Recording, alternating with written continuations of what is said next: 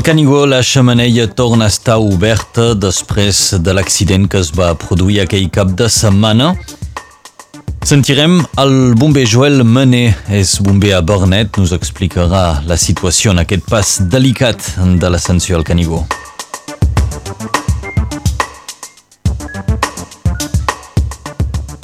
Els alumnes de l'Institut Deodat de Seberac de Serret han treballat en l'elaboració d'un llibre, Els colors de la llibertat, un recull de testimonis de la retirada. Aquest llibre ja és a la venda, nos en parlarà la Jacqueline Pairot, presidenta de l'associació FRI.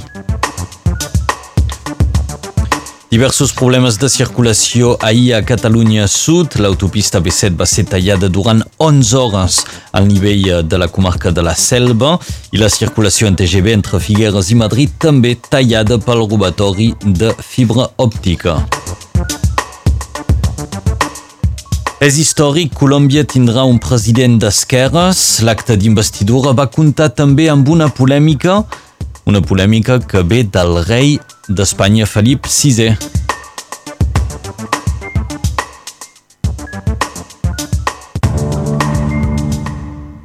El Canigó, la xamaneia que mena al cim per la cara sud-est, torna a estar oberta després de l'esllavissada de pedres que va fer cinc ferits diumenge durant el campionat del Canigó. Ahir els vigilants del refugi dels Cortalets i de Marialles van netejar la zona per treure totes les roques que amenaçaven de caure. Avui el pas per la xamaneia torna a ser segur, més i tot que abans de l'incident asseguren els professionals de la muntanya. Tot i així es demana molta prudència al moment d'enfilar-se per la xamaneia. El Joel Manés, bomber al parc de bombers de Bernet, mai no havia vist una esllavissada com aquesta en aquest indret del Canigó.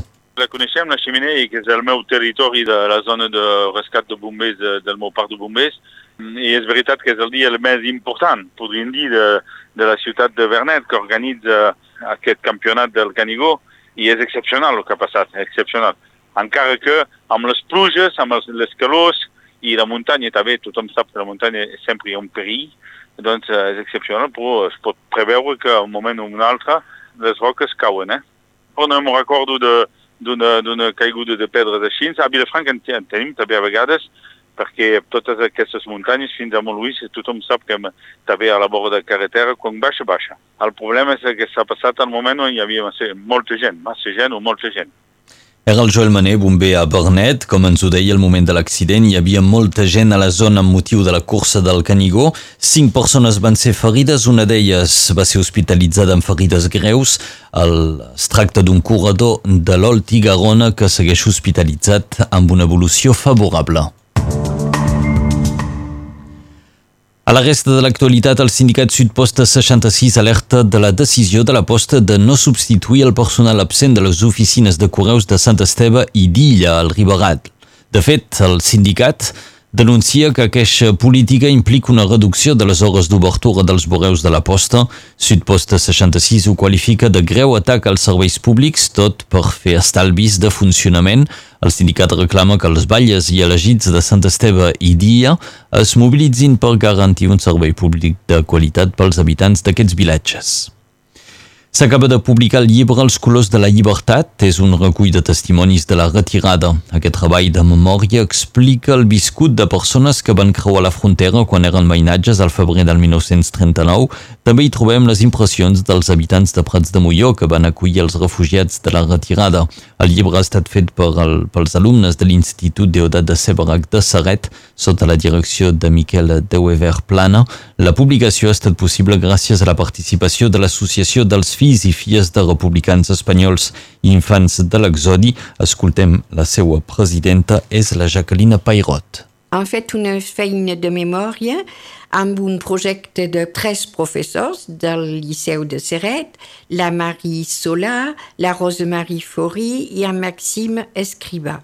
Però van tenir la sort de trobar un fotoperiodista, Miquel de Wever Plana, que els ha acompanyat dins aquest projecte. És per això que els alumnes han produït fotografies dels llocs de passatge dels refugiats i de la gent que han entrevistat que són realment fantàstics. hi ha una exposició que acompanya aquest llibre i és una exposició que era al pati del Liceu i que és molt gran. I anem fet una exposició itinerant. Hem de comprar els quadres. Són petites coses, però això s'adobarà amb la venda del llibre. Ens ho deia la Jacqueline Pairot, la presidenta de l'associació Free. Podeu doncs trobar aquest llibre a venda ben aviat a les llibreries, també a través de la mateixa associació Free.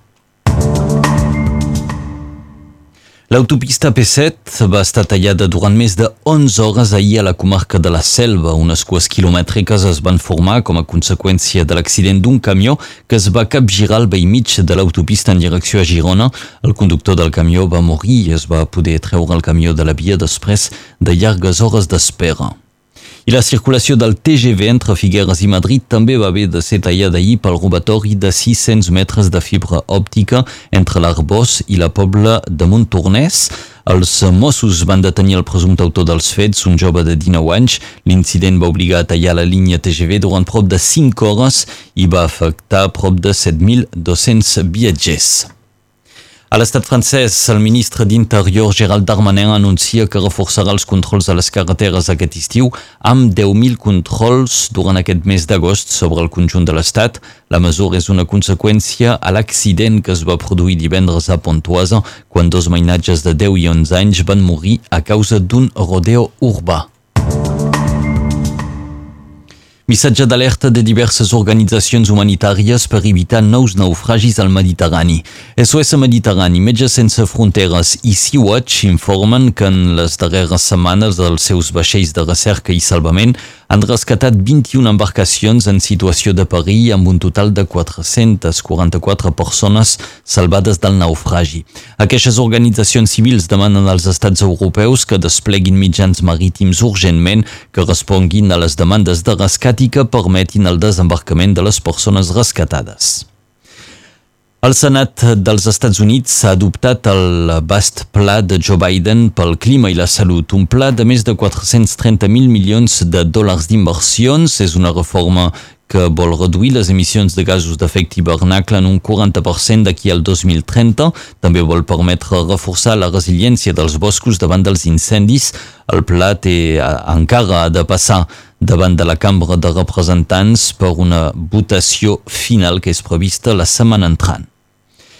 És un moment històric a Colòmbia amb la investidura del primer president d'esquerres des de fa més de dos segles. Gustavo Petro ha estat investit com a president de Colòmbia en una cerimònia que ha comptat amb la presència del rei espanyol. I justament el rei Felipe VI ha protagonitzat una polèmica perquè ha estat l'única figura política que no s'ha posat dret davant de l'espasa de Simón Bolívar, el pare de la independència de Colòmbia. Aquesta espasa simbolitza el combat contra l'exèrcit espanyol fa més de 200 anys, combat que va portar a l'alliberament de Colòmbia.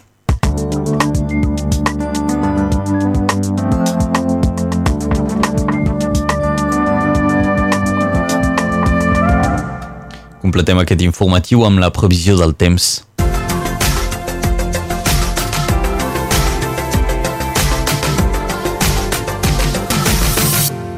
Continuem amb poques novetats per a les notícies del temps. Començo a tenir una sensació de monotonia. L'esquema és el mateix que els dies precedents, amb un cel serè i un sol molt contundent i a la tarda núvols de formació diurna sobre els relleus i, com cada dia, uns ruixats, a vegades sobre forma de tempestes a la zona del Puigmal i potser del Costa Bona. Meteo França manté el seu avís de vigilància groga per alta calor. El vent continua ser majoritàriament de llevant a l'est de la Perxa i gairebé nul a Cerdanya. La temperatura màxima és per sobre dels 30 graus si baixem dels 600 metres d'altitud. 26 a Fontrabiusa, 27 a Palau de Cerdanya, 28 a Soanyes, 32 a Prada, 33 a Nefiac, 32 a Llauró, 31 al Tec, 30 a Pras de Molló, 33 a la Roca de l'Albera, 29 a Portvendres, 33 a Salelles i a Taltaguit, 31 a Pres de Sornyà. El 9 d'agost de 1835 saquegen i destrueixen el monestir de Ripoll i de tot el patrimoni històric, polític i cultural que contenia, incloent-hi les tombes dels primers contes catalans. El diputat comunista nord-català André Tourné neix a Vilallonga de la Salanca el 9 d'agost de 1915 i fa 30 anys avui clausuraven la 25a Olimpiada Moderna a Barcelona – Avui és Sant Romà.